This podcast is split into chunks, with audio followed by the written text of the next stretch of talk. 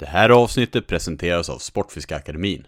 Oavsett om du väljer deras gymnasiala linje eller yrkeshögskola så ger Sportfiskeakademin just dig verktygen att nå ditt drömjobb inom sportfiskebranschen. Gör det som många av oss redan har gjort och sök till Sportfiskeakademin. Tusen tack för att ni är med och sponsrar den här podden. Nu kör vi! Ja, hej och välkommen till ytterligare ett avsnitt av Time is Fish Podcast med mig Daniel Nilsson. Idag så har jag en väldigt speciell gäst. Någon som jag och många med mig eh, har sett upp till under många år. Och eh, ja, han har några år eh, mer än mig i branschen. Så det ska bli jättekul att få prata lite närmare med Olle Lidesjö. Men innan du får börja prata så har jag faktiskt en liten överraskning till dig. För jag bad en, en gemensam vän till oss skriva ett litet... Han, han har haft mycket mer med dig att göra än vad jag har genom åren. Så det, det kan låta lite som att jag läser till och det gör jag helt enkelt. Olle Lidesjö. Mannen som betytt så enormt mycket för svensk sportfiskes utveckling i många år. Och i nio fall av tio utan att synas. Ja, så är det faktiskt. Så jobbar Olle.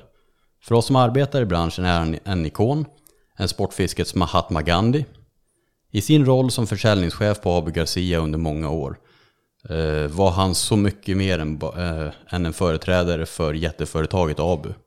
Olle verkade brett för att främja allt inom sportfisket, speciellt bland barn och unga. Om hans engagemang även gynnade en konkurrent var det aldrig ett hinder eller problem för Olle. Olles framsynthet, intelligens och generositet är och var unikt och har fört svensk sportfiske framåt. Jag som skriver det här heter Jan Olsson. Jag räknar Olle som en mycket god vän och kan säga att utan hans engagemang för branschen, Olles tro på sportfisket och på internet redan för över tio år sedan, så hade mitt livsverk Fischeco inte funnits idag. Tack för att du finns, Olle Lidesjö. Det var vackra ord. Ja, visst var det det? Vilken inledning. Ja, men jag tyckte att det var bra. Jag pratade ja, med Janne här om veckan och sa det att eh, det vore kul om du skrev ihop någonting för att ni två har jobbat ihop väldigt länge, eller hur? Vi har jobbat ihop tajt, ja. ja. Precis. Så välkommen Olle. Tack så hemskt mycket. Ja. Det är en ära att få vara här. Det är en ära att ha med dig, det vet du. Jag tycker det här ska bli väldigt, väldigt kul och förhoppningsvis eh, kunna delge eh, lyssnarna vem du är mm. och var du kommer ifrån. För att det är ju lite så som Janne skrev att du har aldrig riktigt tagit en position som någon form av frontfigur för ABU. Nej. Och även har du, alltså du har ändå varit eh, en stor del av drivkraften och eh, framgångskonceptet för ABU skulle jag vilja säga. Stämmer nog. Mm. När man får höra det efteråt. Ja, ja. vi satt där, eh, vi sitter faktiskt hemma hos eh, dig och din fru nu. Och eh, då, då sa du det att, att, att sluta på ABU var lite som, det var ju väldigt vulgärt sagt, men som döden sa du. Ja, precis. Hur, hur, menar du då, Olle? Ja, men då får man ju veta allt man har gjort och allt, alla liksom positiva saker som man har stått för under sin karriär så är det väldigt svårt och, och när man är mitt uppe i arbetslivet så tänker man inte och får kanske inte så mycket cred för det man gör på det sättet. Men när man skulle sluta då så kom ju en överdåd av positiva ord från både kollegor i branschen och från ja, alla möjliga håll. Ja. Så att eh, det, det var roligt att höra. då tänker man, har jag gjort detta? Man får nästan eh, nypa sig i kinden och tänka, stämmer detta? Men så är det. Men det är lite lustigt där att, att det kanske ska komma efteråt. När, ja, eh, ja. Nu, nu, vet jag inte om du var desperat av att höra glädjeord och rop innan. Inte men alls. Men... Jag, jag tror ju att eh, det skulle kanske inte vara fel att berätta att någon är bra på det de gör innan de eh, försvinner från, från det de, deras Nej, position precis. eller går bort faktiskt. Så är det. Nej, men så har det väl varit under året. Vi har haft väldigt, väldigt eh, hög, högt i tak på jobbet och, och, och klappat varandra på axeln och sagt det här gjorde du bra. Så att visst har man fått inom, inom jobbet så, självklart. Mm. Du Olle, någonting som, innan vi börjar bearbeta din bakgrund och sånt för mycket, mm. så kan vi säga någonting som har förenat dig och mig genom åren och det är ju våran, eh, vårt sinne för ordvitsar, eller hur? Ja. Och där har jag vi faktiskt... hade våra dueller faktiskt eh, på Facebook bland annat som var väldigt kul, ihop med Filip Trång. Ja, samurajen, Filip, han, han var också med ja. på det där och han är ju, han är ju mästare på ordvitsar. Jag älskar det. Jag saknade faktiskt att vi inte håller på med det mer idag. Jag, jag tycker det är kul att spinna på ett ämne, en film eller ja, det kan vara vad som helst. Jag kommer ihåg det var någon gång där jag, jag skulle gå, gå och lägga mig. Ja. Och ni började liksom bara flippa lös på något. Ja. Det var något ämne som liksom blev satt. Och det slutade inte. Nej. jag kunde inte gå och lägga mig. Jag vet Nej, att, vi var tvungna att duellera färdigt. Men Ja, det, det blev var- ingen vann kan man säga. nej, det var väl att ah, ingen kunde liksom, ingen fick sömn den natten Nej, typ, känns som. Nej men så är det. Men det här då, jag, jag har lite en ordvits åt dig. Ja, Som jag tänkte på, det är länge sedan nu faktiskt, men jag har sparat den åt dig. ja härligt. Ja. V- vad är det för likhet mellan en förleksgädda och ett samiskt utedass? Den är tuff. Ja. Bägge är dyngkåta. Ja, den är bra. Har du kommit på den själv? Jag tror faktiskt det. Ja, bra. Jag brukar gilla originalhumor. Jag, Ja. jag, jag är inte... Jag tror att jag kommer ihåg det. Mm. Det är så länge sedan, men jag, jag tror faktiskt att det är någonting jag kommit ihåg. Ja, det är bra. Ja, Bra, bra. mm. den sa jag till Lars Öhman förra Ja. året också. Han uppskattar den också.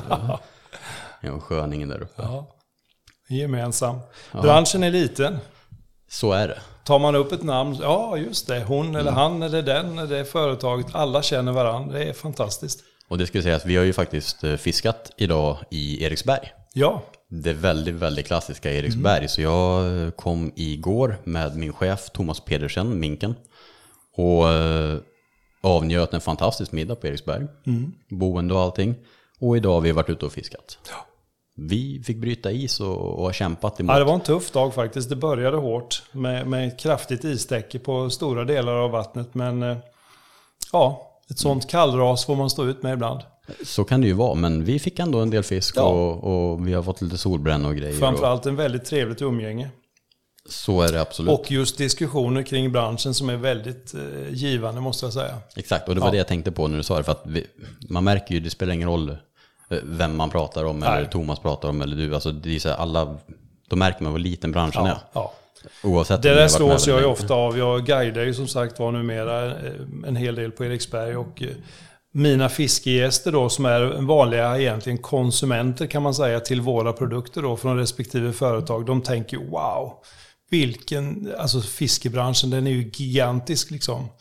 Och då när man tar ner det och säger att egentligen är det bara en liten ankdamm. Alla känner alla och alla eh, Händer det någonting i norr så är det på eftermiddagen så vet alla i söder vad som har hänt. Och, ja, det är ju så. Ja. Så Ja, det är men- lite fascinerande. Ja men verkligen, det är, det är inte så stort som man kan, man kan tro. Så att, och det är ändå kul, det är, det är någonting fint med att vi hänger ihop. Vi, vi, vi snackade om det förr också, vi kallar ju varandra för kollegor och Ja, inte konkurrenter. nej. I mångt och mycket, det är klart det finns någon Jag som tror vi återkommer till det så men- småningom. Men just den här familjära stämningen som har rått på och råder på svensk sportfiskemarknad är fantastisk. Mm. Och någonting som våra konkurrenter utifrån, eller konkurrenter, våra ute i andra länder, de, har helt, de kan aldrig förstå att vi kan sitta runt samma bord och, och, och diskutera sportfiskets eh, framtid så att säga. Det har de väldigt svårt att förstå hur olika företag kan sitta vid samma, samma bord. Och det är helt unikt för oss. Mm. Ja, men det, och det, det, det känns som någonting som, som för branschen framåt på ett, Mm. på ett annorlunda sätt. Än Också andra branscher, om man säger utanför sportfisket eh, och andra länder, så andra branscher även i Sverige. Jag tror att det är sällan... Ja, nej, men det är, det är ganska unikt det är det faktiskt. Ja. Och det här med Eriksberg då, du guidar ju här nu. Ja, Men du, du är ju tekniskt sett pensionär, eller hur? ja jag gick ju några år tidigare en, en, en pension så att säga. Det var ju så att egentligen i grunden så är jag arbetsnarkoman. Jag Ja. kunde jobba hur mycket som helst. Det, det fanns ingen, ingen limit för helger och dagar och nätter och semester och allting sånt. Eh, Så att förr i världen satt jag mycket och lyssnade på folk som ringde och skrev på Facebook och Instagram att wow, idag är det kanonfiske. Då jobbade jag och tittade ut genom fönstret. Men så småningom fick jag bara helt plötsligt en knäpp i huvudet att när jag var fyllde 60 då bestämde jag mig att två år till, sen är det slut. Och alla blev chockade, framförallt min familj. De trodde jag skulle dö på min post på AB. Jag älskade mitt jobb på AB. Helt fantastiskt, det kunde aldrig ha varit bättre liksom så. Det var en dröm att gå, man gick till jobbet med ett leende varje morgon. Men helt plötsligt bara kände jag, nej, nu räcker det liksom. Måste jag njuta av resten av, av livet så att säga. Och då kom det av en ren slump så att jag har ju fiskat rätt mycket på Eriksberg och hjälpt dem med guidningar även under min aktiva arbetskarriär så att säga. Kunde jag någon gång hjälpa dem så guidade jag. Och när jag då slutade så, så fick jag frågan om att ta all guidning åt dem så att det finns en fast guide på och ett bättre guidejobb kan man inte ha. Det är, det är ett fantastiskt område att vara på som du kanske har sett idag. Ja, det är helt, helt magiskt med, med djurlivet på själva Ja, Eriksberg, inhägnaden och, och Det är ju en allting. helhetsupplevelse att vara på Eriksberg. Det är inte bara fisket utan det är liksom hela miljön med djur och ofta då boende med god mat och ja, Det var väl gemenskap. var det Blekinges bästa restaurang eller vad var det? Ja, maten är ju välkänd från Eriksberg. Det är Blekinges bästa kök flera år i rad. Så att, eh, nej, det, är, det är en ren fröjd att, få guida där. Och sen för oss, för oss sportfiskare så är Eriksberg en, en väldigt, väldigt eh, helig plats. Skulle jag säga. Ja, det är det Den ju. har haft enorm Ja, betydelse det har för, det. För hela oss som fiskar gädda Ja. Eh, ja, fisk överlag. Då. Men Ja, precis. det är ju såklart där gäddfeber spelades Ja, in. ja. 2004. Fyra, fyra. Ja. Och det var ju något av alla fiskares dröm. Och Ja, de det kan man säga. på, på film. Ja, det kommer Så- aldrig att hända igen. och Det är jag helt övertygad om. Eller det går inte rättare sagt.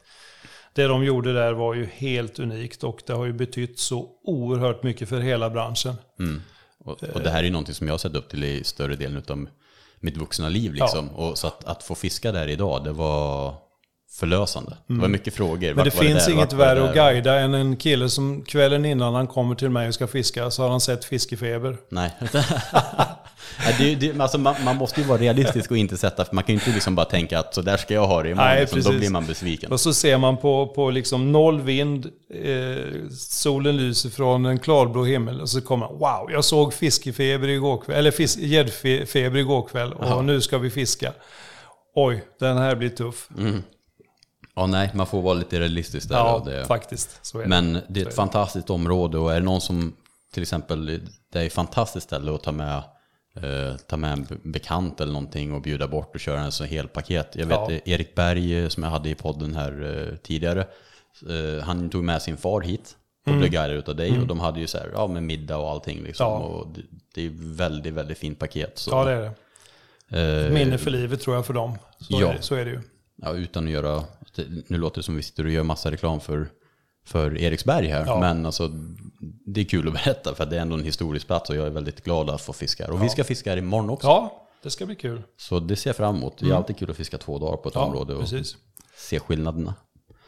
Men som sagt, nu guidar du här då. Ja, Och du har varit säljchef Faber. Vi börjar, eh, vi börjar tillbaka. Vart, eh, vart är du ifrån? jag är född i Oskarshamn och ehm, började då med, med fiske, en klassisk med pappa och med liksom...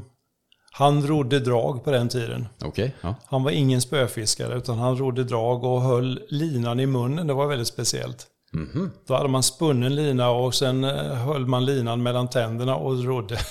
Hur många tänder saknade han? Nej, faktiskt inte. Jag har en story omkring det, men det tar vi en annan gång. Nej, det vet inte tusan. Nej, alltså. Det den- låter den- som en väldigt passande. Nej, den är lite hemlig faktiskt. Jag har lämnat den till Johan Broman. Han gör en bok som, om olika fiskesgrönor och där kommer den med. Jaha, vad roligt. Ja.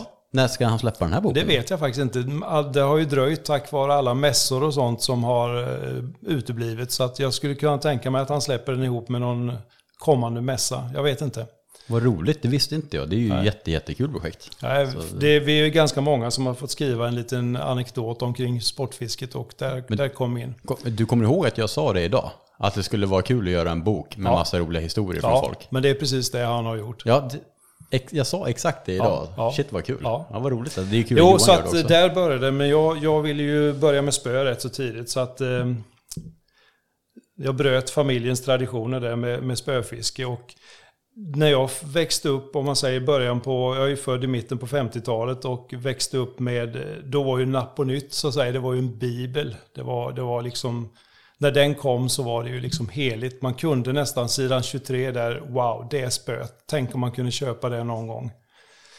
Och hela den här historien omkring Napp och Nytt är ju helt unikt egentligen därför att jag satt ju och drömde mig bort på drömresorna som AB hade på den tiden. Så tittade då hade de varit på Island och man var i Afrika och man var lite överallt. Så tänkte man det här är ju någonting som jag aldrig... Det finns ju inte på kartan och sen liksom... Var det drömresor, var de här man kan vinna? De man kunde vinna. När på, började AB göra sådana resor? Ja, det började redan på 50-talet. Ja, det var så? Ja, ja, ja.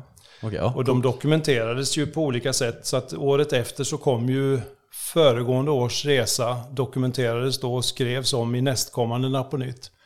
Och då satt man och läste om alla fina resor och sånt man hade gjort. Och det som är helt sjukt då det var ju liksom att eh, så småningom, 30 år senare eller 25 år senare, så är det jag som bestämmer vilka som ska vara med och åka på drömresan. Mm, det är Alltså, det är- häftigt. Det är, det är häftigt. Det är en riktig resa liksom.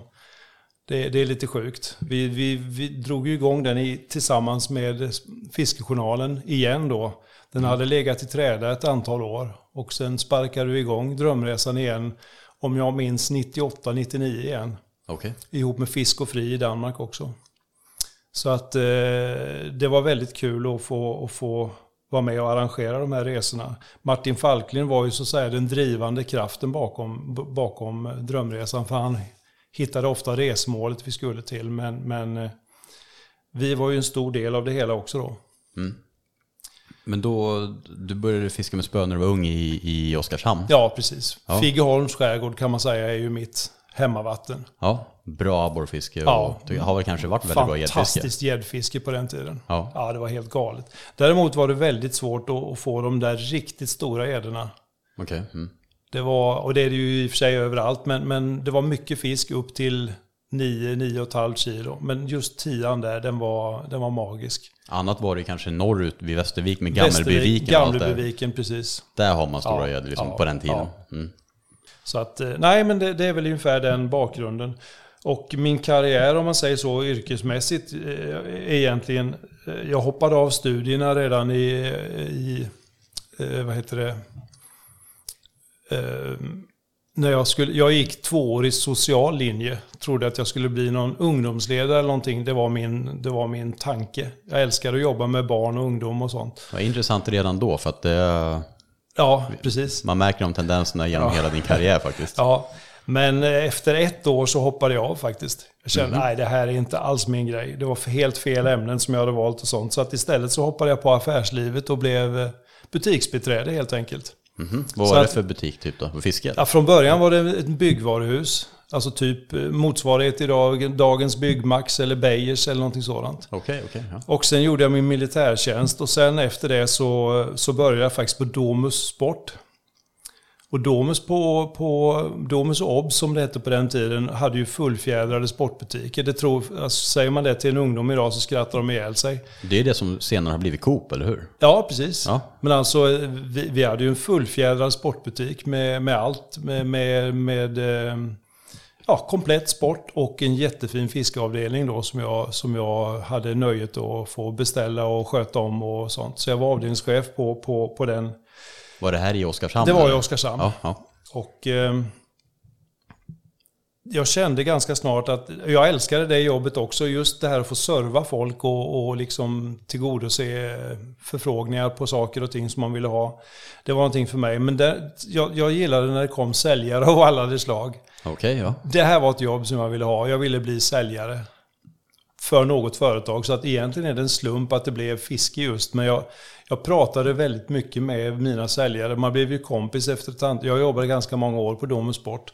Och eh, liksom framförde mitt, min, min dröm att ah, jag skulle gärna vilja bli säljare på något företag. Så att det skulle egentligen lika väl kunna ha blivit Adidas eller Nike eller eh, någonting helt annorlunda i sportbranschen. Okej, ja. Men, men jag blev väldigt kompis med Abus säljare och när han skulle sluta och byta position, han blev så småningom eh, produktchef på Abu, då rekommenderade han mig till jobbet som säljare på Abu.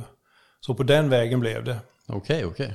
Och det här var ju någonting vi pratade om förr lite grann. Då, då sa du ju någonting som, som jag kan instämma väldigt mycket i. Mm. Och det var ju det här att man ska... Ja, slumpen. Man, Slumpen, ja. ja. Alltså man ska Man inte kan styra vara, lite själv Man kan slumpen. styra slumpen lite grann också, men slumpen har väldigt stor eh, påverkan av vad som kommer att hända i livet. Det är väl likadant när du träffar din partner eller vad som helst, men, men framförallt arbetslivet. Det här och man ska inte vara rädd att prata om sina drömmar, för hade inte jag gjort det med Abus säljare då så hade ju aldrig chansen kommit upp om man säger så. Mm. Men det är mångt och mycket med, med, med min karriär också mm. delar ifrån. Det är ju små saker som leder till andra. Så Precis. det, det, jag tycker det var en kul grej att få lyfta fram nu. Ja, det är fascinerande. Verkligen. Så att eh, 1985 redan eh, började jag min bana på ABU som säljare först, på distriktssäljare på, på södra Sverige kan man säga då. Då var vi fem säljare på den tiden som delade på Men du tog ditt pick och pack och flyttade rakt ner till Svängsta till, ja, det var ett krav, eller mer, mer ett väldigt kraftfullt önskemål från, från Abus sida att man skulle bo på hemmaplan så att säga. I och med att jag utgick ifrån Svängsta så, så var ju det bra. Så att då flyttade vi till, till Karlshamn och har blivit bofast där sedan dess. Mm. Och det är huset vi sitter i just nu. Ja, precis. precis. Fint. Och sen eh, jobbade Ja. som säljare, hur länge då? Jag jobbade som säljare i 15 år till år 2000 och då blev jag erbjuden jobbet som försäljningschef. Och eh, rätt så dåligt självförtroende och tänkte det här kommer jag aldrig att klara. Liksom. Men jag fick en otrolig uppbackning av resten av säljkåren som, som verkligen stod upp och sa att självklart ska du, vi, vi kommer stötta dig till 100%. Och det betyder väldigt mycket då. Vi har, haft ett kanongäng.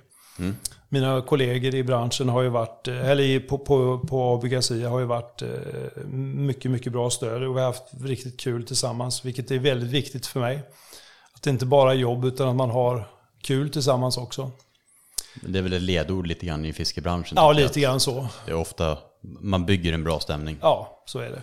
Och sen är det ju så att eh, många frågar om, finns, kommer det aldrig något ledigt jobb som AB-säljare? Nej, en AB-säljare slutar aldrig. Nej, det, Det är pensionen som, som avgör det när man ska sluta. Men under min, min tid på AB så tror jag det är en säljare eller två möjligtvis som har slutat eh, och, och bytt till någonting annat. Men, men det, det, det, jobb, det, det finns liksom inget bättre kan jag säga. mm. Nej, men det är faktiskt, eh, och det är ingenting bara för att du har jobbat och är partisk där, men det är faktiskt, eh, det, det vet jag ju med mig också. Att Ni har säljare som har varit väldigt länge och, Mm. Ja. och de stannar ofta väldigt länge. Ja. Men det bygger ju också ett förtroende i branschen liksom så att många av våra säljare har ju fått otroligt stora förtroenden och, och alltså bygga sortimentet för butiken. Man säger, "Då- det kan väl du fixa åt mig istället, du vet vad jag behöver liksom. Och det, det gör man inte efter ett år, det gör man inte efter två år. Men när man har varit ett tag och, och, och, man känner förtroendet för en säljare, det vet ju du också. Så, så um, växer det fram en, en, en fantastisk vänskap och, och som sagt ett stort förtroende med den butiken och den butiksägaren. Så att det är ju någonting som är väldigt vanligt att, att man får det förtroendet och, och, och hjälpa kunden på det sättet. Och det är kul. Nej men som sagt 2000 så, så gick jag in och blev försäljningschef och det har varit en otrolig resa. Ja, det minst sagt alltså. Det är lite kul då när vi har pratat en del för att vi har ju känt till varandra under större delen av mitt min, min arbetsliv liksom. Och, men inte riktigt känt varandra kanske. Så idag har vi ändå fått prata av oss rätt mycket och Precis. jag har fått höra rätt mycket. Jag gillar det, alltså det är rätt mycket årtal som är imponerande. Både med ABU och, och med, med andra saker i branschen också. Men Ja. med saker som, eh, som, som det här liksom hur länge drömresan har varit igång. Det tycker jag är en så fantastisk grej med. Alltså det är en fin gest. Sen berättar du också, och nu, ja, det här är ju inte reklam för AB överhuvudtaget, men det är ändå coolt att lyfta fram. Du berättade förut att, att AB arbetade mycket med eh, att rehabilitera sina anställda och skicka dem utomlands. Och det här är inte just för AB, utan det, jag tycker det är, eh, som, som företag är det en väldigt häftig Ja, grej det var ju långt bak i väldigt tiden. förutseende att redan på 50-talet eh, skicka folk på, på eh, rehabilitering på Kanarieöarna. På 50-talet På liksom. 50-talet, alltså mitten 50 och framåt så att säga. Ja, det, det Det är här har jag fått sedan. berättat av Lennart Borgström då som var, som var eh, grundarens son som, som egentligen gjorde det stora, största avtrycket på ABU egentligen. Lennart var ju den som förde ut ABU i världen kan man säga. Man var väldigt stora i Norden innan men, men Lennart var den som var pionjären för att, för att få det att växa ut i, i världen. Framförallt USA-marknaden då som, som blev väldigt stor för, för ABU på den tiden. Hur, bara så här eh, av allmänt, eh, eller personligt intresse, hur, eh, hur eh, tog man det steget till USA? Vad var det man införde där som gjorde att jänkarna fick upp ögonen för svenskt Nej märke? men det var ju ambassadörrullarna egentligen som var, Det var de som var... det var liksom, det som var grejen. Ja, Eh, Det är ju ingen tvekan om det. Alltså de- den kunskapen som... Det, började ju... Den historien ska vi inte ta här, men alltså snabb, snabb historia är ju att det började med, med fickur en gång i tiden. så det Mm, var ju finmekanik, AB Urfabriken hette aktiebolaget Urfabriken. Ja. Ja. Och så småningom gick man över till taxametrar. Mm. Och gjorde då... Precis innan andra världskriget så hade man då färdigställt världens minsta taxameter. Det, Jaha, det, okej. Alltså hela världen låg ju eh, öppen för en fantastisk framgång. Och så kom andra världskriget som var bara att dra, dra ner en gardin. Och då var det ju antingen att lägga sig och dö eller hitta på någonting nytt. Och då, då var det ju väldigt många, i och med att det låg intill Mörrumsån så låg ju fisket nära till hands. Många av de som jobbade med de här fickdjuren och taxametrarna var ju fiskintresserade mm. och hade lyckats få tag på någon rulle från, från andra eh, märken så att säga. Och då kom ju idén det här med att starta med, med på den tiden rekordrullar som det hette. Och det blev ju en formidabel succé. Ja, det kan man ju säga. Det har ja. hängt kvar några år. Ja. Det har ju försökt att kopierats på alla möjliga sätt. Och, och, men, men just kunskapen som fanns i Svängsta var ju unik. Och det gick liksom aldrig egentligen. Och än idag gör man ju alla runda rullar, klassiska rullar i Svängsta. Vilket är helt unikt egentligen för, för sportfisket.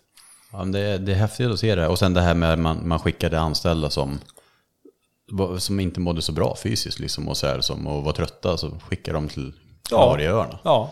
På 50-talet. Ja, liksom. det är fräckt. Det är, ja. det är förutseende måste jag säga.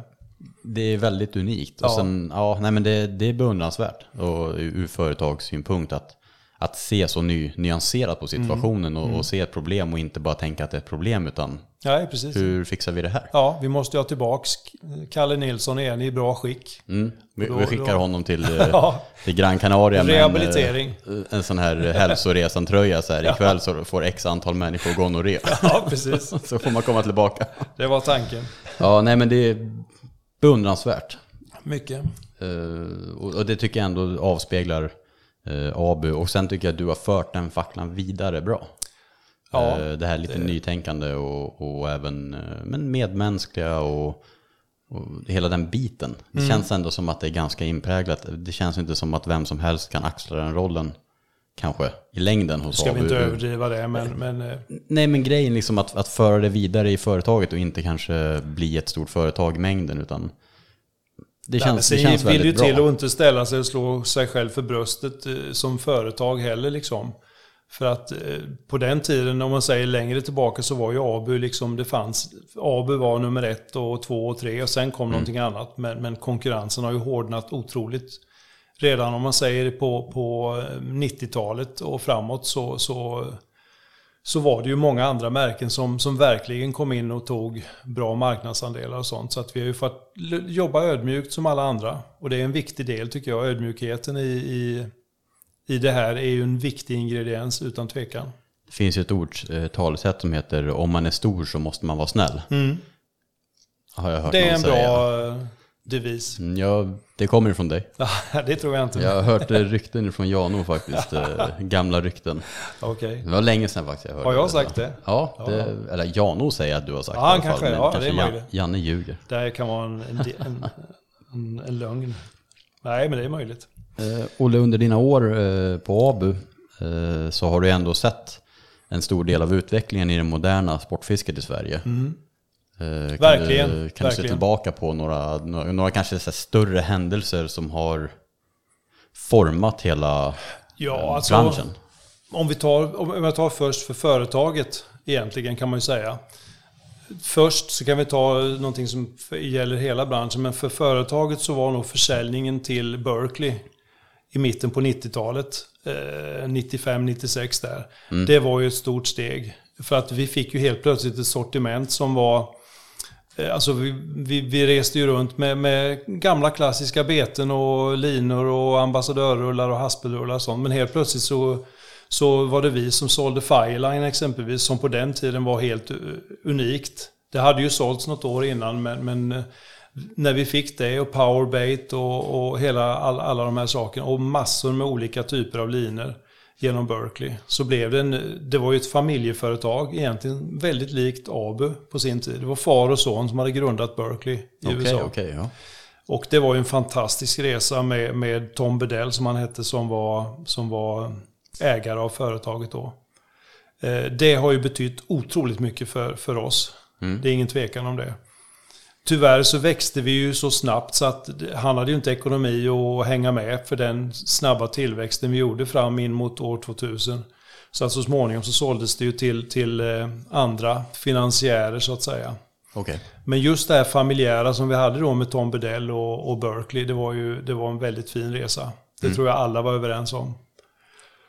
Uh, sen när det gäller stora mål för, för ABU så är det ju ingen tvekan om att, att eh, samarbetet med Svartzonker så småningom, mm. som kom eh, i slutet på 2008-2009 där någonstans, eh, var ju, betydde ju allt för oss egentligen. Att vi växlade upp från att vara den här trygga ja, spelaren som man lutade sig mot när det var tuffa tider. Men det var inte vi som uppfann de stora innovationerna direkt när det gäller predatorfisket som fullkomligt exploderade då. Ja, där stagnerade ni kanske lite grann? Ja, det gjorde vi. Vi, vi gjorde några, några försök med att, med att komma med jerkbaits och med, med rullarna och spön. Det, hade vi, det var vi klart mm. med i, i, branschen. Men just på betesidan så var vi ju liksom inte den som man valde först. Så, så var det ju. Men det roliga var ju att vi hade en, en, en jerkbait som hette Hilo Jerk som var så ful så att det var ingen som ville köpa dem. det, vann inte årets designpris kanske? Nej, det gjorde den inte. Men, Men sen eh, hade vi ja. ett, ett, ett, stort antal sådana på lager och då, då vet jag att eh, vår säljare på Stockholm, Thomas Sjöblom, hade snackat om en kille i Stockholm då som hette Claes Svartzonker. Som han kallades, eh, Claesson. Och eh, då, då, ringde vi upp honom och frågade, skulle du kunna handmåla ett gäng av de här High Low Jerk till oss? Så att vi gjorde dem i en fyra, sex färger, någonting sånt, som han satt och lackade okay. hemma. Och helt plötsligt så var de här, wow, så här måste man ju bara ha. Det var, ju, det var ju nästan lite kult att ha en High Low Jerk som Claes hade målat. Jag tror jag känner igen det här faktiskt. Jag ja. ihåg det. Det, det var, det var liksom, liksom, natt och dag på det här betet. Helt plötsligt då så, så blev det väldigt populärt. Och det fångades fisk. Det, var, det, var, det funkade ju alldeles utmärkt men det var ju det såg ju inte ut som någon annan jerk som fanns på marknaden. Mm. Men där väcktes ju tanken på, på, i mitt huvud då att det här måste vi gå vidare med på något sätt. Så att eh, någon tid senare så gick jag till min chef och frågade att jag skulle vilja att vi startade ett mycket kraftigare samarbete med Claes. Om det är möjligt. Bara kör, sa han. Ja. Jag hade en fantastisk chef på det sättet. Och bolla med liksom, för att jag brann av idéer på den tiden och, och ville så mycket. Men samtidigt så kanske man inte vågade rent ekonomiskt. För många saker kostade ju rätt mycket pengar, projekt som skulle dras igång. Men med hans, hans stöd och den tillväxten som vi hade där från 2005 och framåt, det var helt enormt alltså. Mm -hmm. Så att vi ordnade ett möte med Claes uppe i Stockholm och satt och snackade. Thomas var med, vår säljare som jag sa, Sjöblom och Claes. Och på den tiden var ju Claes eh, lärare. Eh, och satt och kallpratade lite grann om vad är din dröm Claes, kommer jag ihåg att jag sa. Nah, det är ju liksom kunna sluta med det här jag håller på med idag och bara hålla på med mitt betesbyggande och allting sånt. Och sen pratade vi en stund till, sen plötsligt säger jag att du, eh, vi skulle faktiskt vilja knyta dig till AB Garcia som en samarbetspartner på ett mycket djupare plan. Mm. Och du vet, hakan följer både på Thomas och på Claes. De visste ju, ingen visste ju om det här egentligen. Det var bara jag och min chef som hade den här planen bakom oss då. Ja. Och jag skulle tippa på, nu kanske jag ljuger om Claes hör detta, men sex månader senare så hade han slutat. Ja. Och, och blev, fick jobba med sitt på heltid. Och eh, den resan som vi gjorde tillsammans där, eh, det var helt otroligt alltså. Det började hända en hel del nya grejer på Abu då med Ja, det blev, det... ja precis. Ett helt nytt tänk. Ja. Och detta revolutionerade ju inom vårt företag också som är egentligen rätt stelbent. Man var tvungen att fråga hela Europa om saker och ting. Men vi körde vårt race. Vi bara körde rally i Sverige.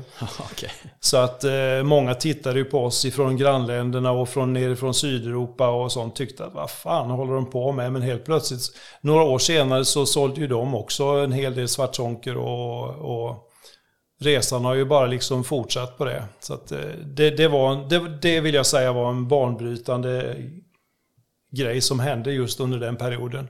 Det var ju också inte bara för eh, Abu skulle jag säga, utan det är även lite benchmark i branschen med det här med att kanske knyta upp betesbyggare och, ja, och, och göra samarbete absolut, med dem för absolut, större företag. Absolut. Nej men alltså egentligen då om vi då tar större händelser som har varit i branschen. Då är det ju ingen tvekan om att gäddfeber är den stora, eh, Det var där det hände så att säga. Det var en katalysator för Det hela predatorfisket. som hela, alla har mått så pass bra av. Ja. Det var CVC som gjorde det med, med Trumman och, och Buster. Men alla har ju liksom haft gott av det på ett sätt som är helt makalöst. Bara kolla på alla sortiment. Ja. Skräddarsyddes ju efter det här kommande år. Liksom. Helt galet. Spön, allt liksom. Ja, och och det- sättet folk predatorfiskar. Precis, alltså innan så var det ju nästan lite genant att säga att man var sportfiskare. Om, man, om man pratade med folk så här, vad är din hobby? Ja, det är fiske. Oj, oj, oj, liksom. Små gröna män som satt i vassen och eh, plockade maggot. De var allmänt obehagliga. ja, precis. Till att bli då helt plötsligt var det ju rock'n'roll och fiska alltså. Alla skulle ju... Det, det blev ju fruktansvärt hype omkring och framförallt gädda. Det var ju liksom det som var grejen. Så det gällde ju att hänga på. Det var det vi kände att vi inte gjorde då. I och med att gäddfeber var 2004 och eh, vi stod och stampade och tittade på, eh, stod på stationen när tågen gick liksom. Ja. Men, men då det här som hände med, med samarbetet med Svartzonker så, så blev det ju en helt annan grej. För jag vet vid något möte som vi hade i branschen med, där, där bland annat trumman var med och sa Fan Olle, vad är det som har hänt liksom? Ni är ju glödheta för fan! och det hade inte någon sagt innan, det kan jag säga. Ja. Utan vi var som sagt den här trygga som man lutade sig mot när det var tuffa tider. Då fanns AB där. Liksom det. Men, men nu helt plötsligt så var vi i framkant och, och var med liksom på saker som hände. Så att, eh, nej, det var kul. Skulle du säga något annat som, eh, som har varit med och format branschen eller varit som en, en schysst eh, pelare i, branschens Ja, jag liksom? tror att en sak som egentligen eh, folk kanske inte tänker på, men det är ju egentligen när vi startade branschföreningen. Spofa Spofa, spöfiske. Ja. Det var någon gång 98-99 om jag minns rätt. Får berätta lite för folk som inte vet vad det är för någonting. För det är många vet nog inte att det är verksamt. Nej, men det är ju en branschförening där, där eh, företag gick samman då. Och många då butiker kallar ju detta för någon, någon eh, att vi satt och pratade liksom skit om, om butiker och sånt. Det var inte det som var syftet utan det var Att ju ni skulle gadda ihop er mot. Exakt, Liksom. Ja. exakt. Och Okej, gemensam prissättning. Och, alltså det var ju många som, som spred det ryktet då, för det här var ju inte bra. Konspirationsteorier. Konspirationsteorier. Men så var det ju inte, utan det var ju för att föra sportfisket i Sverige framåt så att säga. Mm. Och vad jag vill komma till där, det är ju då att en av uppgifterna det var ju att starta Sportfiskemässan. Ja. Okej, ja. Och eh, eh, branschföreningen äger Sportfiskemässan, det vet nog inte egentligen folk. Utan eh, man äger namnet Sportfiskemässan. Men det, däremot så har man någon annan som arrangerar mässan åt branschen så att säga. Så att eh, på den vägen är det. Men, men mässan tror jag har betytt otroligt mycket egentligen. Från början så var det ju liksom man, man smygstartade och det var liksom någon tusen personer som kom och så. Men vad det har inneburit sen är då efter, som vi säger, gäddfeber och när hela gäddfisket exploderade framförallt, eller predatorfisket. Just att man fick en träffpunkt Eh, där vi kunde se, presentera alla betesbyggare exempelvis. Man hade de här kastbassängerna där man kunde vis, dema beten och, och alltihopa sådant. Eh, och det som har hänt sen, som ingen någonsin, du är en av dem bland annat, det är ju att man fick eh, personer som blev nästan rockstjärnestatus i branschen. Det hade ju aldrig hänt innan. Ni är ju några stycken som skriver autografer på mässorna och det tycker jag är sjukt häftigt. Det är ju väldigt udda, men där är ju, det, det, det där känns ju som att Dy Trumman har ju skrivit autografer sen, sen tidernas begynnelse. Ja, ja, Eh, men alltså ni är ju ett antal där som... Och att det finns förebilder tror jag är jätte, jätteviktigt för att få de unga Mm. att att ta åt sig. eh, Jag, jag, jag pratade faktiskt med, eh, med folk i Norge om det här Ja. för någon vecka sedan när jag var där. Ja. Och jag tror att det där är någonting som, som förr var det mycket, du pratade med Pontus om det här också, fiskeklubbar. Ja, Och där såg man ju automatiskt, jag gick i fiskeklubb när jag var liten, man såg ju upp till de här lite äldre. Mm. Och det är ju en generationsgrej, det spelar ingen roll vilken sport man gör, man ser upp till folk Nej, som är äldre så är ju, generellt så sett. Eh, och i takt med att kanske butiker försvinner i, i viss mån, eh, att fiskeklubbar eh, kanske försvinner i viss mån, Mm. då blir det ju, alltså det är viktigt för folk att ha förebilder. mm, det det. Och om det nu är förebilder från fiskebranschen, från produktioner eller någon man bara tycker är allmänt duktig som fiskar och lägger upp på Ja, men Instagram. det, kan ju, det kan vara en journalist eller vad som helst som har skrivit många år, som man har läst, man har följt någon i någon speciell tidning eller vad som helst. Men jag menar produktionerna är ju den stora grejen egentligen. Man har sett sina stjärnor eh, tävla i olika sammanhang. Men, ja. men just att få träffas i de här forumen och helt plötsligt kan man gå och prata med den här personen och få tips och råd. För det har ju varit väldigt generöst kan man ju säga på mässorna med, med just att, att det har varit en träffpunkt där man, där man framför sina idéer för just det här företaget och framförallt för sportfisket i stort. Mm. Det tror jag har betytt jättemycket och jag vet ju att resten av Europa har sneglat på den här mässan och säger att den är outstanding kvalitetsmässigt. Därför det kan jag tänka mig faktiskt. Det finns mässor i andra länder som drar mer folk, men med just att det är så fokus på sportfiske eh, bara. För det har ju varit en, liksom en ambition att vi ska inte ha 15 stycken som säljer godis och korv och eh, preparat som man tvättar sina glasögon med som det är på många andra mässor. Mm. Utan här är det liksom, det är sportfiske, punkt slut. Vi släpper inte in mer än, mer än kanske en eller två som håller på med någon form av livsmedel. För det måste finnas i bilden också. Man måste kunna köpa en godispåse eller någonting sånt. Men annars är det bara fiske mm, från A till Ö så att säga. Stämmer och bra. Den har betytt mycket och eh, senaste åren då så, så var det ju allt mer folk utifrån Europa som kom till mässan också. Alltså var man en freak inom, inom Predator så kom man på mässan i Sverige för att det var, det var bäst. Det var där man kunde se årets innovationer och träffa folket. Mm. Och det är ju en del gästspelare från andra länder i Europa som, som, är med, som frekvent kommer och föreläser och Absolut. visar grejer och sånt. Ja, och jätteviktigt också. Vi har haft bassfiskare också komma och ja, och grejer och sånt. Ja, det är coolt. Ja. Nej, men så det vill jag påstå är en, en väldigt viktig del i vår, i vår framgång i branschen totalt sett. Mm. Så är det. Det vill jag hålla Hade mässan blivit av i år, så, alltså, efter pandemin här, så hade det bara exploderat i år tror jag. Om det hade mm. verkligen blivit nu i, i mars här. Men det hade ju krävt att det verkligen var det känns som att det var för tätt inpå. Ja, det var ju det. Men alltså, så det var ju tur att det inte blev av, Det finns jag, ju men... ett uppdämt behov av att ja. träffas i, i sammanhanget där som, som jag tror hade gett ett rekordbesökarantal. Alltså det är helt sjukt. Och där vill jag slå ett slag nu för att många butiker planerar ju sina butiksmässor framöver. Mm. Och det är ju någonting som, som jag kommer vara eh, och resa runt väldigt mycket eh, nu i mars-april. Mm. Och där eh, ser jag ju gärna att folk kommer ut och stöttar sina lokala butiker. Eh, kanske tar chans att träffa någon man ser upp till och, liksom, och handla lokalt såklart. Ja. Det är väldigt viktigt. Ja, det är viktigt. Men det, det, är kul nu, för nu vill butikerna göra någonting för sina kunder. De har inte kunnat gjort det på flera år. Så jag tror att det blir ett bra engagemang. Jag ser Absolut. supermycket fram emot att träffa folk och bara träffa folk helt ja. enkelt. Det ska ja, bli jättekul. Absolut. Uh, vad tror du generellt sett om vi ska vara, om du inte tänker att, liksom, att du själv älskar mässor och sånt. Om vi bortser från det. Vad tror du om mässors framtid? i branschen i, jag tror, för fisket? Jag ser väldigt positivt på det. Jag tror att det är mm. viktigt alltså för framtiden också. Att det, det, kommer att bli en viktig del i, i helheten på sportfisket. Mm. Vi har sjukt duktiga betesbyggare i Sverige. Galet, världens bästa. Världens bästa. Mm. Och, det, och det gäller egentligen det mesta. Om vi får en ny fiskemetod till Sverige så förfinar vi den till ypperlighet liksom på något sätt.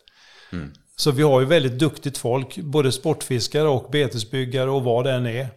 Så, så är vi väldigt duktiga. Och, och just att ha den här träffpunkten och forumet för att ses eh, tror jag kommer att bli... Vi gjorde ju ett försök med en digital mässa men, men eh, det kanske hade behövts flera år för att, för att, få igång det. Liksom. Men det är ju inte samma sak som att ha det här personliga mötet.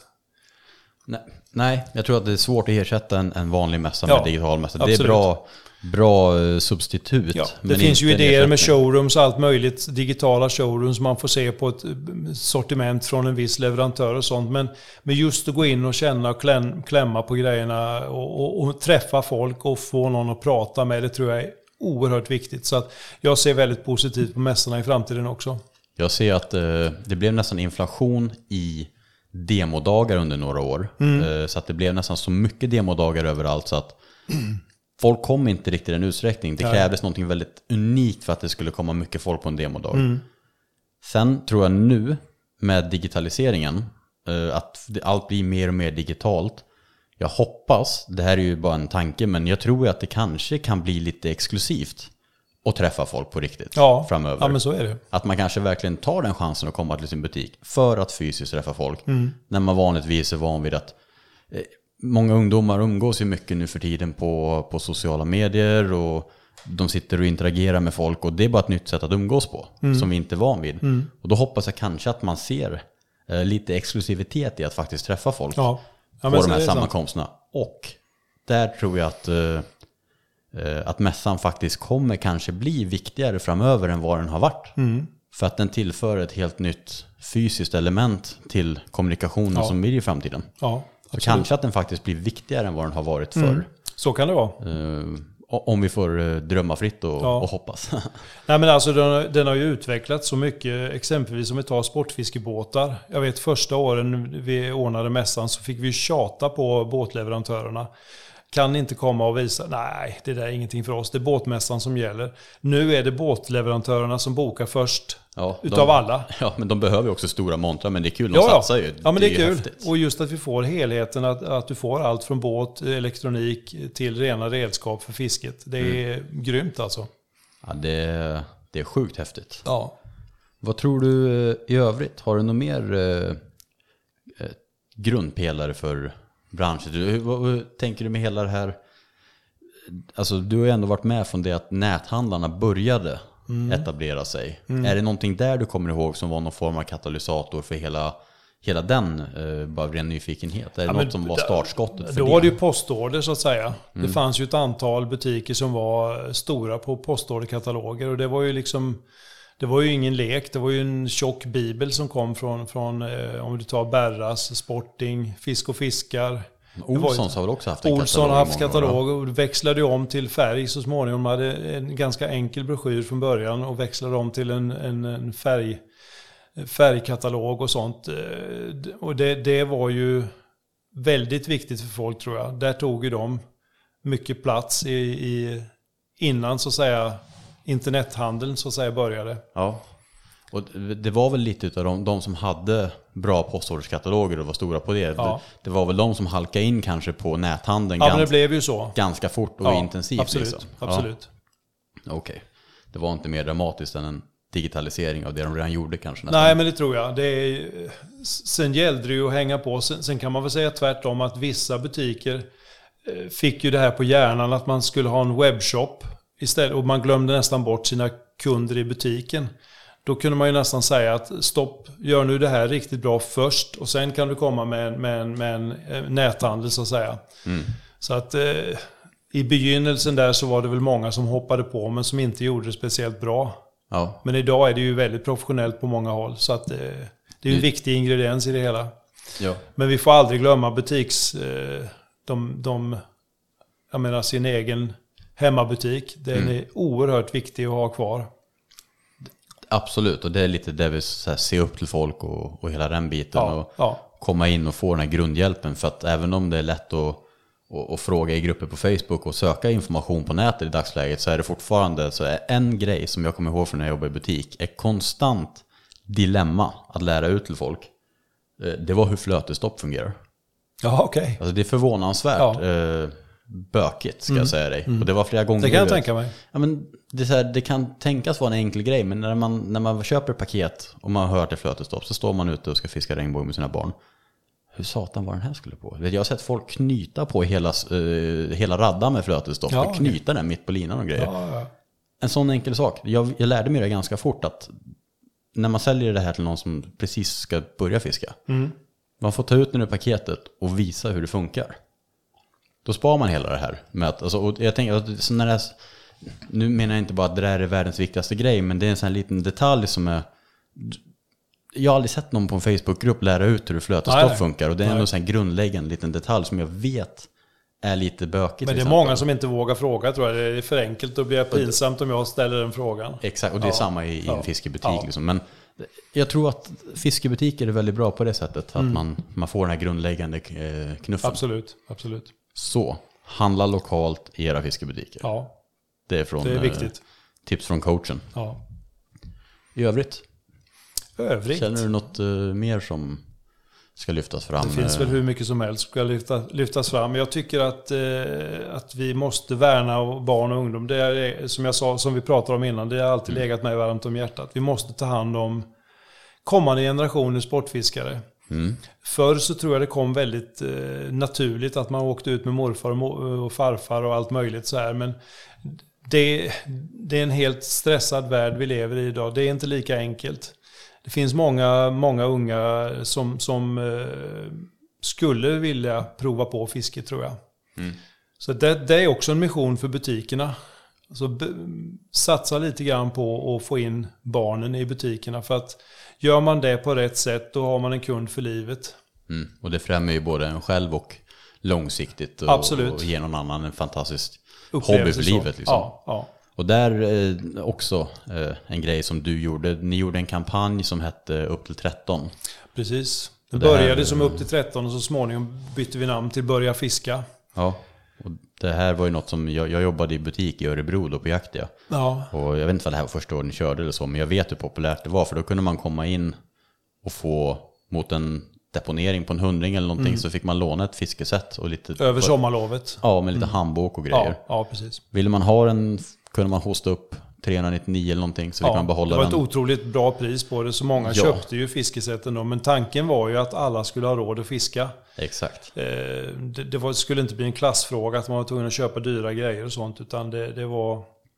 Men, men tyvärr så var det ju så, om man ska klaga lite grann, så är det ju så att det var många butiker som tyckte det här var jobbigt till och med. Det kommer in en massa ungar och frågar om att få låna fiskesätt och sånt. Det är ingenting vi har tid med, men de som verkligen tog sig tid att göra det här, de, de hade ju som sagt en kund för livet. Mm. Och kanske lite alltså- tips och råd vart vi skulle fiska och vi, vi har en grupp, vi kan åka ut någon kväll tillsammans. Det var ju några som tog till sig det här. Det finns ju ett antal butiker i landet som verkligen tog det till sin spets och gjorde någonting av det. Men jag vet de flesta som, eh, som, som valde att hyra det. Mm. Alltså, de, de, det var få som lämnade tillbaka den. De flesta tog faktiskt och, och köpte loss Köpte det sen ja, Ja, precis. och det är ändå... Det är ju, då har de ändå liksom verkligen provat det. Mm. Och fasen, det här var kul. Min, min, mitt barn tycker om det här. Ja, precis. Det är fantastiskt. Ja, det, var, det, var, det var en kul grej var det. Och det, Och det roliga, att vi man- fick, ju, vi fick ju lite kändisar med oss bakom det här. Som var, Markoolio var ju Ja, Markoolio, vi hade Henrik Zetterberg, hockeyspelaren borta i, Ja, just ja. i NHL, som, som var fadder för detta under ett antal år. Så småningom blev det Markoolio. ja. Och eh, nej, det var kul. De stöttade detta på ett mycket bra sätt. Det var ju kul när du sa att du som redan började när du gick gymnasiet då med, på det här spåret. Och, Ja, ja, Och, och ja. liksom har hållit i hela tiden. Så det är superkul. Men det är, det är bra liksom att försöka få in ungdomar och sånt. Där har vi en, en väldigt bra eh, person som, som jag inte har pratat med än om det här. Men jag tänkte be honom att vara med i podden framöver. Micke Böttke på Ja, just Sportfiskeboden i det. Han har ju verkligen tagit ut mycket barn och ungdom genom åren på allt ifrån pimpel till meten och alltihopa sånt. Är det någon som vet hur man gör sånt så är det ju Micke. Ja, han är superduktig på det. och han är också en, en jäkel på casting. Ja, just det. Eh, Precis. Kasta långt och prick liksom. Så att, förhoppningsvis vill han vara med i podden framöver. Det tror jag säkert. Mm. En annan sak som är väldigt positivt det är ju att se att det kommer allt mer kvinnor i, i branschen. Mm. Eh, Kvinnliga sportfiskare, jag menar idag om man tittar på mässan och har det som riktmedel så kan man ju se att det är mer och mer, fler och fler par som kommer in. Förr var damen med bara för att ja, det var väl en kul utflykt att gå på mässan. Men, men nu är ju de som går i bräschen och vill handla och lära sig saker. Det är mycket, mycket tjejer som kommer. Det är oerhört det- positivt. Ja, det, det syns att det ökar. Ja. Men det, det är fortfarande väldigt få. Generellt Ja, det skulle ju kunna vara mycket mer. Men, Ja, jag tycker varje som börjar så, så är det positivt. Liksom, Ja. så att. Och man har ju sett en stadig ökning med det här. Och det finns ju det här Girls Fishing Crew som under Ja, ja. många år eh, Precis. Mm. promotade och, och lyfte fram kvinnor och sånt. Så att det, det händer saker på många ja, det fronter det. Faktiskt. det. Det, det är väldigt bra. Nu med tanke på din långa karriär inom, inom eh, fisket, ser du några utmaningar? eh, dels nämnde du såklart att man ska försöka fokusera på att få in barn i butiken och sånt. Ser du Ja. några andra utmaningar som branschen kanske står inför? Ja, det är ju Framöver. tillgången på fisk. Det är ju ändå A och O. Så Mm. är det ju. Finns det inte fisk så, så fiskar man ju inte. Men det känns ju som att det, det jobbas mer och mer med det. Det gör ju Sportfiskeförbundet en fantastisk insats tycker jag idag med alla gäddfabriker och allting sånt som... som och mycket, mycket eh, ute i klubb, på klubbnivå där man restaurerar vatten och sådant. Så det är ju jätteviktigt. Det här, det här tror jag också så här, för det är som Martin Falklinds film, Ja, sista trilogin. det är en ögonöppnare. d- Och den just att han kommer... folk. högre upp Just att få in tv-program på, på eh, liksom folkliga kanaler så att man, man, eh, det kommer mitt i SVT-sändningarna en, en fiskeprogram. För då blir folk sittande och ser detta som egentligen inte är sportfiskare men ändå som förstår problemen helt plötsligt. Det är jätteviktigt. Det känns ju som att många, många bäckar blir ju liksom många bäckar små. eh, För att då har vi ju det här bland annat. Sen har vi ju det, ökande intresset för fiske i media. Mm. Bland annat kändisar som fiskar mer och mer. Eh, Vi har de här större produktionerna på YouTube. Mm. Det går ju inte jätteobemärkt förbi. Eh, Plus vi har de här eldstjärnorna som brinner för att lyfta problematik. Precis. Och som Martin gör det på ett väldigt nyanserat sätt. Fantastisk. på alla de här grejerna ramlar ner på beslutsfattare så tror jag att det är inte bara någon med vadarbyxor som står och skriker att det är slut på öring. Nej. Utan det, det är så mycket som Det kommer enda på man en kan gång. tycka att det är så lång process innan man får till ett beslut. Och ofta, ibland har det ju nästan varit för sent. ja, men det Men det finns ju också väldigt, väldigt, väldigt många positiva saker som har hänt. Om man exempelvis tar det som skedde på, på västkusten med åtta fjordar. Det jobbet de gjorde där med att stänga av yrkesfisket och, och nätfisket som var landnära. Liksom. Och idag är det ett fantastiskt havsöringsfiske där. Det är ju ett lysande exempel på någonting att naturen repar sig ändå relativt snabbt. Mm, om man bara låter den vara Om man så. låter det vara. Och nu har vi ju många, som här nere i Blekinge, har vi ett antal stängda lekvikar som, som det har vi väntat på länge, men nu, nu kom det ju äntligen och, och det tror jag kommer att göra väldigt, väldigt mycket för, för gäddans gäddbestånden framåt. Om vi nu inte säl och skarv får, får smaska loss för mycket liksom, för det har vi ju nästa problem. Men det känns ju också som man har lyft upp det på, en- på en helt annan nivå än, än vad det var för bara något år sedan. Ja, och det känns också som att debatten blir seriösare och sånt. Ja. Så att det är mycket som, som jag tror bidrar till att vi kanske, det händer saker. Jag vet, Mm. Ja men så är det. Tobbe Fränstams sälstaket nu har ju fått genomslag något Lysande exempel. hur mycket som helst. Ja. Och de snackar väl om att gå igenom med 17 miljoner Okej. för det här projektet eller något Ja. sånt. Alltså, det är mycket pengar. Det är mycket pengar. Så att det händer saker och det, Det är är liksom en enskild sportfiskare som... Nej, nej. Ja, det, är, det är fa- fantastiskt hur det har väckt frågan liksom. Så det är häftiga saker Ja. eh, framöver i branschen förhoppningsvis. Att, att frågorna lyfts och så. Har du någonting mer du vill fylla i nu? Vi skulle kunna känner. prata länge. Ja, det är klart vi skulle vara Men, hur men länge som eh, helst. det gör vi med avstängda mikrofoner så småningom. det kan vi göra. Har du, har du något så här roligt fiskeminne som, som du, du vet där, om du tänker tillbaka på ett minne så är det det som tänker, som dyker upp. Liksom. Nej, det kommer för snabbt på. Jag, jag, kan inte, jag kan inte säga det. Alltså mina bästa fisk... Många frågar om mina personliga fiskeminnen. Men Ja. jag tycker egentligen är det ofta de delade minnena som är det stora. Mm. Eh, som jag upplever dagligen nu, eller dagligen, men när jag är ute och guidar, det är ju, det är ju att se glädjen i ögonen på alltså vuxna karar som blir som barn. Det behöver inte vara en gädda på en meter längre, utan det händer någonting. Och, alltså vi har det i oss på något sätt sen, sen stenåldern tror jag, det här med att jaga och fiska och alltihopa sånt. Den glädjen är ju obetalbar alltså. Sen kan man själv se på sina egna eh, jag har ju haft förmånen att resa lite grann utomlands och fiskat genom jobbet och så. Men, men för mig är gäddfisk, om folk frågar mig vad är ditt favorit, alltså det är gäddfisket. Det är, det är någonting specifikt med gäddfisket. Och speciellt hugget. Ja. Ett hugg från... Alltså det, Det, pratar vi om idag i båt, pratar att det är något väldigt unikt med Ja. gäddhugg. Ja, kan- det är de, det. De kan vara på en miljon olika sätt, men, Men eh, det är, alla, det är ju det man är ute efter. Det Ja. är fantastiskt. det är det där gnetandet i flera timmar, Ja. det händer ingenting. Och sen helt plötsligt bara exploderar. Det Jag, jag tycker det är häftigt hur, eh, hur hjärnan kan så snabbt gå in i, i, eh, i läge för hur man ska bete sig. Ja, alltså precis. med göra mothugget och allting. Ifrån att vara liksom nästan, du vet, pulsen är nere på, på väldigt få slag i Mm. minuten. Och det händer ingenting och man är egentligen helt slapp i kroppen och man står där. Och sen är det hugger. Mm. Vad fort kroppen går in i, Ja, ja, ja. i eh, nu är det dags att fånga fiskläge alltså. Precis. Det, Ja, det är häftigt. mm.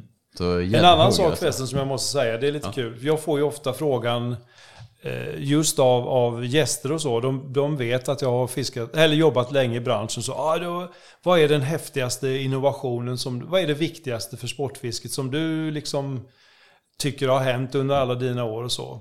Och då tänker ju alla liksom att jag ska säga att ja, den ambassadörrullen vi gjorde där 1999, den var ju helt fantastisk. Men, men det finns två saker jag skulle vilja lyfta. Det är superlinan när den kom. Det, det, När kom, var det, var det Fireline alltså som var först? Eller? Fireline var nog, vill jag påstå, var först. Men det var inte vi som sålde det då. Utan det fanns ju från början, någonstans 90-tal, 90-talets början. Mm. Vi hade ju förmånen att få det från 95 och framåt. Eh, Superlinan är ju en sak som revolutionerade fisket vill jag påstå. Ja. Men sen är det ju inte ett fiskeredskap utan det är faktiskt elmotorn. Ja. Frontmonterade elmotorer, alltså tänk hur mycket, hur mycket ankarlina man har dragit i sin ungdom. Man var helt uppfrätt i händerna på, på den tiden man körde med ankare och, och just det här att lägga rutter och, och följa linjer, alltså det är, och ankra med, med, med båt, det tycker jag är helt fantastiskt redskap. Ja, det är verkligen ett, ett smidigt redskap för mycket fiske liksom. Så att där vill jag ju förorda, alltså elektroniken i all ära, men ska man välja en grej så är ju elmotorn betydligt viktigare för mig. Mm. Det, apropå det med superlinor så har jag en liten rolig eh, historia som också knyter samman det här med förebilder och, Ja. eh, och eh, inspiration på ett negativt sätt. Som hämmar utvecklingen. För jag var med ut med en en, jag tänkte nämna någon namn, men en av de stora pionjärerna inom Vätternfisket på eh, laxtrollingen som var jätteduktig på 90-talet och sånt och väldigt aktiv där. Och jag hade förmånen att följa med honom ut och jag var inte så gammal. Det här måste varit tidigt 2012, för det var något år innan jag började på akademin 2004. Okej. Och jag vet han hade provat, han hade haft, haft på eh, flätlina på, på sina trollingrullar. Och han svor över det där. Han sa det här var det sämsta skiten. För du vet, så fort flätlinan blir lite slapp, då, då fladdrar det i vinden. Så det hade ju, du vet, för honom så trasslade det runt spöna och så här, Och han tyckte att det där var sån skit liksom. Att, att Okej. det fladdrade och det trasslade och det kom över kroken och ner över hullingen och då Ja, var det ju ja. kört liksom. Och, nej, det där blir aldrig något och det där var ingenting. Men han var ju laxtrollare. Alltså, Ja, ja. Jag trollar ju själv lax med nylon i dagsläget. Så Ja, ja. jag, jag gillar ju det mest. Ja. Eh, men det där satte sådana spår i huvudet på mig. Så jag köpte inte flätlina. Nej, På rätt många därför. år. Jag fiskade ju abborre med, med nylon i, i, på tok för många år ja. eh, än vad jag borde. Okej. Fast det var ganska normalt med flätlina sen liksom, när, när jag borde haft det. Så att där var det ju någon som jag såg upp till mycket som stod och svor över den här grejen. Mm. Och då blev det att jag liksom drog mig ifrån. Jag tyckte det där var skit liksom. Det Ja, blåste ja. ju och fastnade och sånt. Men jag hade ju inte provat själv utan det var ju bara... Du hade hört av någon Ja. som du var din för, ja just det, förebild. Exakt. Ja. Så där har vi liksom omvänd effekt när man Ja, ser upp någon och får fel information. Ja, Eh, det var bara, nu när du sa det här med introduktion och flätlina, för att det var ju revolutionerande. Det är fortfarande revolutionerande. Mm. Det är det bästa som finns att känna ett abborrehugg med flätlina. ja på lång lina och kroka fisk och alltihopa sånt. Det är ju, det är ju en helt annan en helt annan grej idag kan man ju säga. Ja, Mot de här gummisnoddarna vi använder då. Ja. Och det, men det finns, eh, jag använder ju fluorkarbon vid dropshot till exempel. Ja, ja. Det är Fantastiskt och, och Vissa situationer så är det ja ja, absolut. Eh, Men flätlina, bra, bra där och elmotorn faktiskt. Mm. Då skulle jag jättegärna vilja tacka för din tid. Tack själv. Och eh, tacka för din eh, verksamhet i branschen. Och alla år och, och det du har gjort för oss Många allihop. år kvar hoppas jag. Ja, jo, och, och vi ska fiska imorgon och Ja. förhoppningsvis fler gånger. Och sen är du ju så självklart eh, välkommen att och fiska med mig också. Det ser jag fram emot. Mm. Tack så. Hör du, tack så jättemycket och tack till alla er som har lyssnat. Hoppas ni har gillat den här legenden Snacka på i en timme nu. Och tusen tack till Sportfiskakademin som är ditt första steg till drömjobbet.